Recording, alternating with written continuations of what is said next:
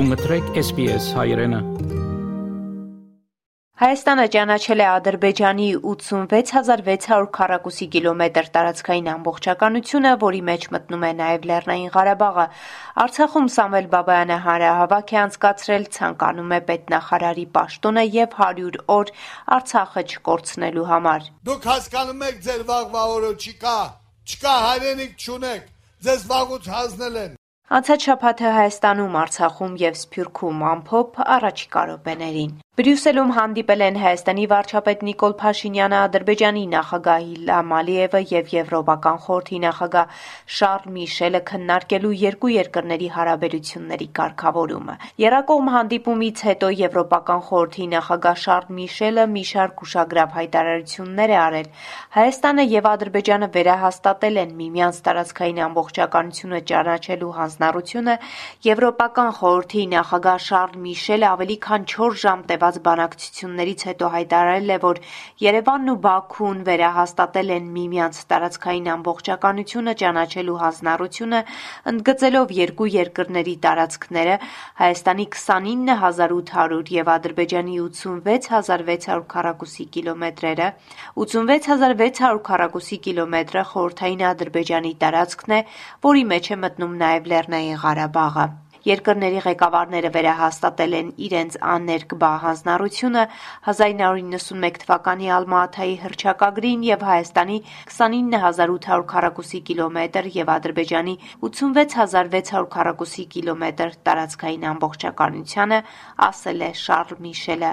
Նա նաեւ նշել է, որ քննարկել են, ինչպես ինքն է ասել, նախկին Լեռնային Ղարաբաղի ինքնավար մարզում բնակվող հայերի իրավունքների եւ անվտանգության հարցերը, եւ հորդորել է Ադրբեջանին ուղիղ խոսել Ղարաբաղի բնակչության հետ եւ մշակել օրակարգ, որի նպատակը պետք է լինի երաշխավորել Ղարաբաղի բնակչության իրավունքները եւ անվտանգությունը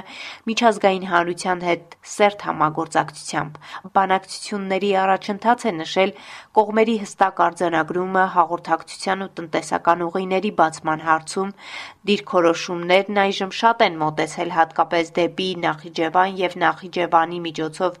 երկաթգծի գծի վերագործարկման հարցում, ասել է Միշելը։ Սահմանի վերջնական դելիմիտացիան տեղի ունենալու բանակցությունների միջոցով մյուս առաջընթացը ըստ Եվրոպական խորհրդի նախագահի ըմբռնումն է ձերբակալվածների ազատ արձակման մասին, քննարկվել է գերիների ու պատանդների հարցը։ Եվրոպայի օրվան եւ Եվրոպական միություն Հայաստան հարաբերություններին նվիրված ասուլիսում Երևանում Հայաստանի փոխարտգործնախարար Պարույր Հովանիսյանը Բրյուսելյան հանդիպմամբ Ադրբեջանի տարածքային ամբողջականության ճանաչման մասին ասել է հետևյալը. Ես ավելի շատ այստեղ շեշտը կդնեի նախագահի ուղեղ ձայնել, որ երկու երկրները պետք է ճանաչեն երկու ստեկ տարածքային ամբողջականությունը, նշանակում է այն սահմանները, որոնք գոյություն ունեին սովետական միության փլուզման այս պահին խոսքը գնում էր ավելի շատ դրա մասին, ինչը համապատասխանում է Ալմատի հայտարարությանը եւ պարզապես վերահաստատում էր այս սկզբունքը։ Մյուս կողմից իհարկե ակնհայտ էր, որ հանդիպումը ավելի ուղղված էր կոնկրետ քայլերով առաջընթաց հասնելուն եւ այս մի քանի հարցերը որոնք նշեցիք եւ որը հայտարարեց Եվրոպական խորհրդի նախագահան, վկայություններ, որ խոսակցությունը առավել առարկայական էր այս անգամ։ Ճանաչելով Հայաստանի տարածքային ամբողջականությունը արդյոք Ադրբեջանը պարտավորվել է սահմանների ճանաչմամբ դուրս բերել զորքերը Հայաստանի տարածքից, փոխարտգործնախարարը նշել է. Դուրս բերմանը իհարկե այդ գաղափարը մի շարք մեր գործընկերների կողմից քննարկվել էր ոչ միայն Եվրամիության, Ամերիկայի Միացյալ Նահանգների կողմից եւ արդեն իսկ ճանաչումը այդ սահմանների, որի մասին խոսեցինք, իհարկե ընդհանրում են նման դուրս բերում։ Լեռնային Ղարաբաղի բնակչության իրավունքներն ու անվտանգությունը պետք է ապահովվի իր հերթին անդրադառնալով խնդրին ասել է Հայաստանում Եվրամիության դեսպան Անդրեա Վիկտորինը։ Իդեպ մինչ բրյուսելյան հանդիպումը Ադրբեջանը հերթական հարձակումն է իրականացրել մայիսի 11-ին Հայաստանի Կութի եւ Սոտքի ուղությամբ հակառակորդի սանձազերծած սադրանքի հետևանքով Սոտքում վիրավորվել է 4 զինծառայող։ Առողջապահության նախարար Անահիտ Ավանեսյանի տեղեկացմամբ երկուսի վիճակը միջին ծանրության է, մյուս երկուսինը բավարար։ Ադրբեջանի իրավիճակի սրման իրական նպատակը բանակցային գործընթացը զրոյացնելն է եւ հետագա բանակցությունների ընթացքը խաթարելը, բայց սա միակ նպատակը չէ, ասել է վարչապետ Փաշինյանը։ Այսօրվա սադրանքը նպատակ ունի նաեւ խաթարել Կիրակի օրը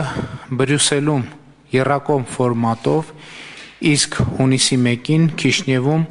հնգակոմ ֆորմատով նախատեսված բանակցությունները։ Փաշինյանը Բրյուսել մեկնելուց առաջ ասել է, թե որքան հավանական է, որ խաղաղության պայմանագիր կստորագրվի։ Ցավոք, կրկնում եմ, ցավոք նման հնարավորությունը շատ փոքր է, որովհետև խաղաղության եւ միջպետական հարաբերությունների հաստատման մասին երկկողմ համաձայնագրի նախագիծը դեռ շատ նախնական տեսք ունի եւ դեռ վաղ է այն ստորագրելու մասին խոսել։ Արցախ Արցախի պաշտպանության բանակի նախկին հրամանատար անվտանգության խորհրդի նախկին քարտուղար Սամվել Բաբայանը հարահավաք է անցկացրել Ստեփանակերտի վերածննդի հրապարակում, ներկայացնելով Արցախի խնդիրների լուծման ճանապարհային իր քարտեզը։ Ցանկանում է պետնախարարի պաշտոնը եւ 100 օր Արցախը չկորցնելու համար։ Իսկ պաշտոն հետա չի հետաքրքրում։ Ես գալիս եմ ձեզ ծառայելու։ Անկեղծ ուշ ալինելու։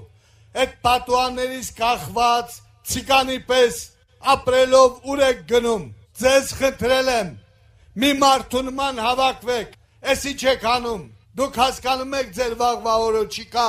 չկա հայրենիք չունեք, ձեզ վաղուց հանձնել են։ Նա անդրադարձել է նաև Կիրակի օրը մայիսի 14-ին Բրյուսելում տեղի ունեցած Երակողմ հանդիպմանը։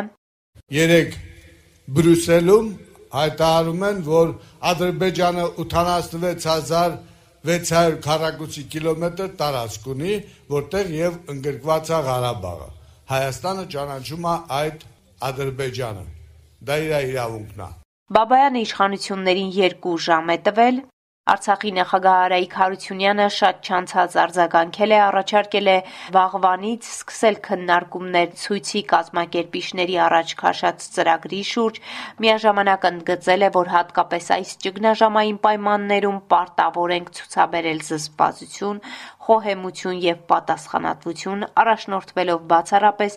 Արցախի հանրապետության ու ժողովրդի շահերով։ Հակարիի կամրջին ադրբեջանական ապօրինի անցագետը հայտնվելուց հետո Կարմիր խաչի միջազգային կոմիտեի մեքենաների համար եւս միջանցքը փաստացի փակվել է։ Տասնյակ հիվանդներ այսօր չեն կարողանում Արցախից Հայաստանի բուժ հաստատություններ տեղափոխվել նեղ մասնագիտական բուժումների համար։ Սփյուռք Հայաստանի եւ Վրաստանի քաղաքացիները շուտով կկարողանան հայ-վրացական սահմանը հատել նույնականացման ID քարտերով։ Անձը հաստատող այս փաստաթղթով ID քարտերով նրանք կարող են արդեն հատել սահմանը հունիսի առաջին տասնօրյակից մեծ հետ զրույցում ասել է Վրաստանում Հայաստանի դեսպան Աշոտ Սմբատյանը նշելով, որ համաձայնագիրը, որ ստորագրել են այս տարեսկզբին Երևանում Հայաստանի եւ Վրաստանի վարչապետներ Նիկոլ Փաշինյանն ու Իրաკლի Ղարիբաշվիլին, վրացական կողմն արդեն վավերացրել է, Հայաստանում այն վավերացման փուլում է։ Դեսպանը նշել է, որ այս կերպ կհեշտանա հարևանների միջև տեղաշարժը։ Նախ եթե ոչինչ չասեմ, ուղղակի հեշտ մուտք եւ ելքը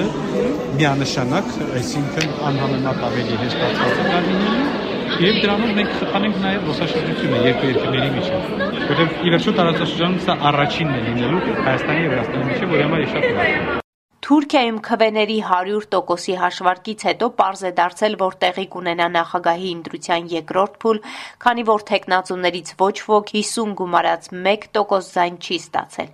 Գործող նախագահ Ռեջեփ Էրդողանի օգտին քվեարկել է ընտրողների 49.35%-ը, իսկ ընդդիմադիր Քեմալ Քրչլդարօղլուին ձայն է տվել ընտրողների 45%-ը, ով կհաղթի երկրորդ փուլով մայիսի 28-ին նշանակված Թուրքիայի նախագահական ընտրությունների երկրորդ փուլում Էրդողան Էրդողան Քրչրդարլողլու պայքարում կհաղթի ձայների պարզ մեծամասնությունն ապահոված տեխնացուն։ Իդեպ բուրըն քննարկումների առիթ է դարձել ընդդիմադիր Քեմալ Քրչրդարլողլու ազգության հարցը, նրան որոշ գործիչներ հայ են համարել, իսկ ինքն ասել է հայ չի, բայց դրա մեջ վատ բան չի տեսնում։ Թուրքիայում լույս տեսնող Ակոսի հայերեն էջերի խմբագիր Բագրատ Էստուկյանը այս առնչությամբ ասում է. Կլիչնարովի ծննդավայրը Դերշիմ խավարը մենք գիտենք որ մեծ թիվով ձմդյալ հայեր կան նույնիսկ ոմանք գտնվեցան որ բնտենտե այդ Խավարի ամբողջ ժողովուրդը հայկական ցակում ունի։ Այդտեղ Ալևիա թվան է ժողովուրդը։ Այսինքն Էրդողանի նման Էրդողանի հասկացողությամբ մուսուլմաններ չեն։ Այսքանը անցնող շաբաթվա իրադարձություններն ամփոփ Գիտայել Բեկյան SBS ռադիոկայանի համար։ Հավնե, լայք, բաժնեկցե, դարձիկը թայտնե, հետեւե SBS հայրենին թիմադեդի վրա։